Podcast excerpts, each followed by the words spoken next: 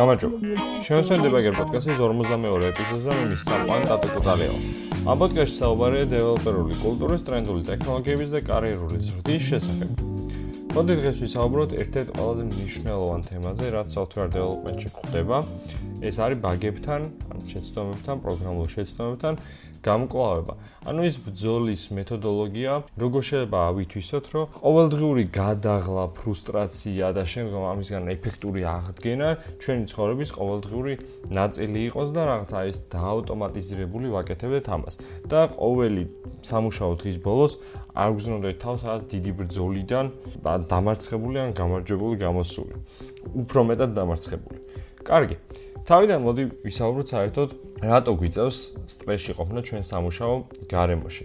ბაგები არის ალბათ პირველი რამ, რაც ამოგვიტირდება სიტყვა პროგრამირების ხსენებისას, მინიმუმ ისეთ ხალხს, ვინც ამ სფეროში ვართ და გვიწევს ყოველდღიური შეხება ამ კონცეფტთან, როგორც არის ბაგები. ბევრი ჩვენი დაწერილი ბაგია, რომელიც წარსულში დავწერეთ რაღაც კოდი და ეხა მოხდა ბევრი ჩვენი კოლეგების და ზოგიერთი ბაგი შეიძლება საერთოდ არ ვფიქრობთ რომ ბაგია, მაგრამ რეალურად ბაგია. ანუ ეს ის მომენტია, როდესაც ვფიქრობ რომ ეს ფიჩერია, მუშა ფუნქციონალია, თუმცა ბაგია და არ მუშაობს. ზოგადად ბაგთან მოქცევა, როგორც ეს შეცდომასთან მოქცევა არის ყველაზე ანუ მნიშვნელოვანი პრინციპი, როგორ შეიძლება შემდგომ ამას დააშენო ზოგადად შენი კარიერული გადაწყვეტილებები. მაგალითისთვის არის ძალიან ბევრი ადამიანი, რაღაც დეველოპერებში რაღაცა ნაწილი, რომლებიც ბაგებს უყურებენ როგორც რაღაც გამონაკლის და ფიქრობენ, რომ ეს რადგანაც მოხდა, არის გამონაკლისი ნორმიდან გადახვევა და ამიტომ ხშირად მას ისეთი ყურადღება უნდა დაუთმო, როგორც ნორმიდან გადახვეულს, ანუ ზედმეტი დრო შეიძლება არ გამოუყონ, იმიტომ რომ ნორმალურ შემთხვევაში ეს ბაგი არ მოხდებოდა და ამიტომ შეიძლება უგუებელყონ კიდევაც.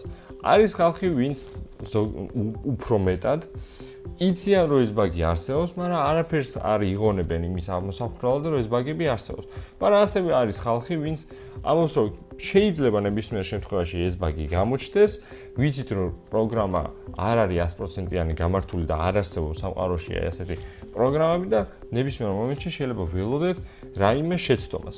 აი ეს მაინდსეტი არის ყველაზე მეტად გამართული, როდესაც შენ ამობრო კი შესაძლებელი მოხდება, მე მზად ვარ და როდესაც ეს გამოჩნდება, მე მას აღმოფხვრე. ახლა სტრესი რაშია? სტრესი არის, როდესაც მოულოდნელ დროს ეს შეცდომა გამოვარდება და შენ არ გაქვს ან საჭირო დრო ამის გასაფიქსირებას, ან საჭირო ცოდნა, რომ ეს გაფიქსო, ან საერთოდაც ვერ ხვდები სად სად იმალება ეს შეცდომა და ვიღაცა იუზერები გეუბნებიან, რომ აი რაღაცა შეცდომა გვიფიქსირდება ამადა ამ ტელეფონზე, ამადა ამ ბრაუზერში, მაგრამ შენ ვერ ამეორებ იგივე შეცდომას და ვერ ხვდები როგორ შეიძლება ეს გაასწორო.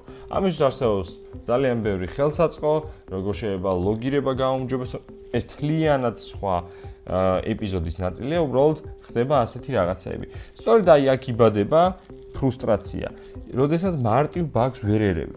თელი დღე შეიძლება იჯდე და იმდენად მარტივ ბაგს ვერასწორებდე, რომ შემდგომ შეიძლება გაგეცინოს კიდევ. შეიძლება სადღაც მაგალითად string-ით იღებდეთ map-დან, რაღაცა რომელიმე მონაცემ სტრუქტურიდან რაღაც ინფორმაციას და ვერ პოულობდეთ, იმიტომ რომ სადღაც string-ი არასწორად ჩაწერეთ, ხელით აკრიფეთ, მოკლედ რაღაცა ისეთი რაღაცა მოხდა და მთელი დღე შეალიეთ ამ თქვენი პროგრამის debuging-ს.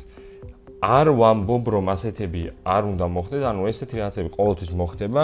გამართული ხელსაწყოები, რა თქმა უნდა, უნდა ვიხმაროთ, რომ ესეთი რაღაცები ავირიდოთ თავიდან, მაგრამ რეალობას ვერ ვექცევით. 2020 წელია, 8 წელია თითქმის software development-ში ვარ, ასეთი რაღაცები მეც მომსვლია და დარწმუნდა რომ კიდევ მომივა.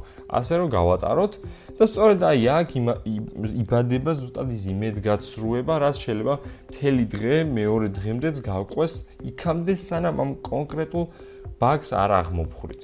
თითქოს გზნობთ რომ ჩვენ დამარცხებულები ვართ ამ ბაგთან და გვინდა ნებისმიერ ფასად გადავჭრათ ეს პრობლემა და გავიმარჯვოთ ამ ბაგზე. და ეხლა გეტყვით როგორ მიმდინარეობს ეს პროცესი. უკვე მოსაღამოდება, რაღაცა ბაგს ვეღარ ვფიქსავთ, უფრო დიდი ხანი ვატარებთ კომპიუტერთან, უფრო მეტად ვიღლებით, თვალები ჩაგვიწეთლება, სითხე გვაკლია, ძილი გვაკლია, დასვენება უნდა ტვინს, ვერაფერს ვერ ვაკეთებთ, მაგრამ სამაგეროდ ბრაზი გკლავს, რომ ეს პრობლემა შეცდომა უნდა ვიპოვოთ და გამოასწოროთ. და ეს სპირალი მიდის აი ასე უსასრულო და საბოლოოდ ვრჩებით გამოფიტულნი. ანუ ვერც პრობლემას ვერ ჭრით, იმიტომ რომ გამოვიფიტეთ და ვერც ვერაფერს ვერ ვაკეთებთ, იმიტომ რომ პრობლემა ვერ გადავჭერით და სხვა რაღაცაზე უბრალოდ გონებას ვერ გადავრთავთ. და აი რაღაცაზე ვართ მიბმულნი, რომ ეს უნდა გავაკეთოთ. იმ დღეს კომპიუტერი რომ გათიშო და სახში წამოხვიდე, ანუ რა ვიცი, ნებისმიერ სხვას ააკეთო, შეიძლება ითქვას, რომ დამარცხდი, ხარ სრულიად იმედგაცრუებული, მოკლედ ძალიან სულად გზნობ თავზე ზოგჯერ შეიძლება გერჩინოს კიდევაც, რომ თელი ღამე გაათიო, ოღონდაც ეს პრობლემა გადაჭრა. ყველა ყოფილ ვართ ალბათ ასეთ სიტუაციაში და ამ დროს ეს არის ყველაზე არარაციონალური გადაწყვეტილება, როდესაც ჩვენზე ემოცია იმარჯვებს, მაგრამ არა ლოგიკური აზროვნება. არა და ჩვენ ის ხალხი ვართ, რომელიც წესით ლოგიკურად უნდა აზროვნებდეს და ამაში აი ამაში ვეძებთ მთელ სიამოვნებას.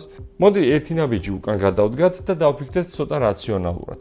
ვილაპარაკოთ პრეფრონტალურ კორტექსზე ცოტა ხანი. მოდი ეს პრეფრონტალური კორტექსი არის ტვინის ერთ-ერთი ნაწილი, წინა მხარეს იმყოფება, რომელიც პასუხისგებელი არის ჩვენს კოგნიტურ ქმედებებზე, გადაწყვეტილების მიღებაზე და სოციალურ ქსელებებზე. ზოგადად, როგორც ერთ-ერთი მნიშვნელოვანი ნაწილია ტვინ. ანუ ტვინში ყველაფერი მნიშვნელოვანია, მაგრამ ერთ-ერთი მნიშვნელოვანი ნაწილი არის სწორედ ეს. ეხლა რა ხდება? მთელი დღის განმავლობაში ეს პრეფრონტალური კორტექსი განიცდის მუდმივ, ასე ვთქვათ, ზეწოლას, რადგანაც სამსახურში აქტიურად ვართ ჩართული ბევრ სხვადასხვა პროცესებში, მოლაპარაკებები, ვთქვათ, ბიზნეს ზარები, სხვა დეველოპერებთან ჩართულობა, გუნდური აქტივობები, ინდივიდუალური აქტივობა კოდთან, აი ეს ყველაფერი და მუდმივად არის დატვირთული. ამას დამატებული ის სოციალური გარემო, ზოგან მოგწონს, ზოგან სტრესს გავიზრდ, მოკლედ საშინელ წნეხშია ეს ჩვენი ტვინის წინა ნაწილი. და უკვე მოსაღამოვდა, ისედაც განადგურებულია, შენს დაღლილი ხარ და კიდევ აწვევი, რომ რაციონალური გადაწყვეტილება მიიღოს და რაღაცა შეცდომა იპოვოს და გამოასწოროს, ხო?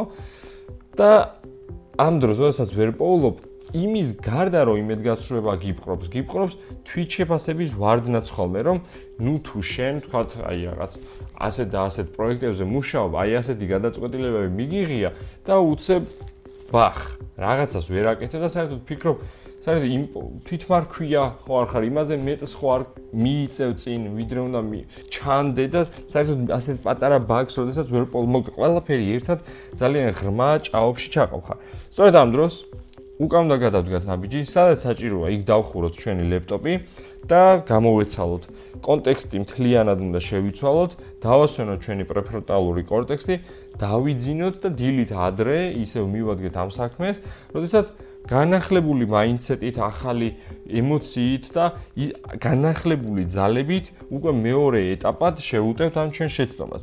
ანუ ჩვენ პირველ დღეს არ წავაგებთ მთლიან ომს, ხო? უბრალოდ წავაგებთ ერთ პატარა შეტაკებას, მაგრამ საბოლოო ჯამში გავიმარჯვებთ ერთ დიდ ბრძოლაში. ამიტომ, როდესაც აი ასეთ ძიმე ბაგებს შევეჩეხებით, ან თუნდაც ძიმე არ იყოს, უბრალოდ რაღაცნაირად ჭირვეულ ბაგებს შევეჩეხებით, აუცილებელი არ არის ზედ მივაკვდეთ, საჭირო არის ის რაციონალური აზროვნება, რაც ჩვენ მოგვეთხოვება, სწორედ ის გამოვიყენოთ. ერთი ნაბიჯით უკან გადმოვდგათ, დავფიქრეთ რა ჯობია იმ სიტუაციისთვის, რა არის ყველაზე კარგი და შესაბამისად ვიმოქმედოთ. თუ მართლა ისეთი სიტუაციაა, როდესაც ახლა ქვეყანა იქცევა და სხვა გზა არ არის, როდესაც ღამე უნდა გაათიო და რაღაცა გააკეთო, რა ვიცი, ოდის რა, როდის შეიძლება მოხდეს წელიწადში ერთხელ, ორ წელიწადში ერთხელ. ამ ერთ შემთხვევაში კი, მაგრამ როდესაც ეს რეგულარულად ხდება, რაღაცა შეცდომებს უშვებ და ეს უნდა გაასწორო, მაშინ სხვა რაღაცაშია პრობლემა. ესე იგი, შენი სამუშაო თლიანი ეს ტაქტიკა უნდა შეცვალო, უნდა შეცვალო შენ სამუშაო გარემოში ისეთი რაღაცები, რაც შენ დროს აფერხებს, ჭამს და ჩაანაცვლო უფრო ეფექტური რაღაცეებით. და აი ეს იქნება სწორედ ის განტვირთვა, რაც შენ უკეთესად დაგეხმარება შეცდომების აღმოჩენაში, პოვნაში და საკუთარი ზოგადად გონების განტვირთვაშიც. მოკლედ, დღევანდელი ეპიზოდი სწორედ ამისთვის მინდა და მიმეძვამ თლიანად, როგორ შეგვიძლია ბაგებთან გამკლავება. შემდგომ ამ ფრუსტრაციიდან, ანუ იმედაცრუებიდან, თვითშეფასების ვარდნიდან, ცუდი სპირალიდან მოხვედრის შემდგომ გამოსვლა, აღდგენა და ისევ გამარჯვებული დაბრუნება ჩვენს პროფესიულ ყოველდღიურ რუტინაში. დიდი მადლობა ყურადღებისთვის. ხოლო შემოვერთეთ Facebook ჯგუფს Debugger Podcast Community-ს და წარმატებებს გისურვებთ ყველას. ნახვამდის.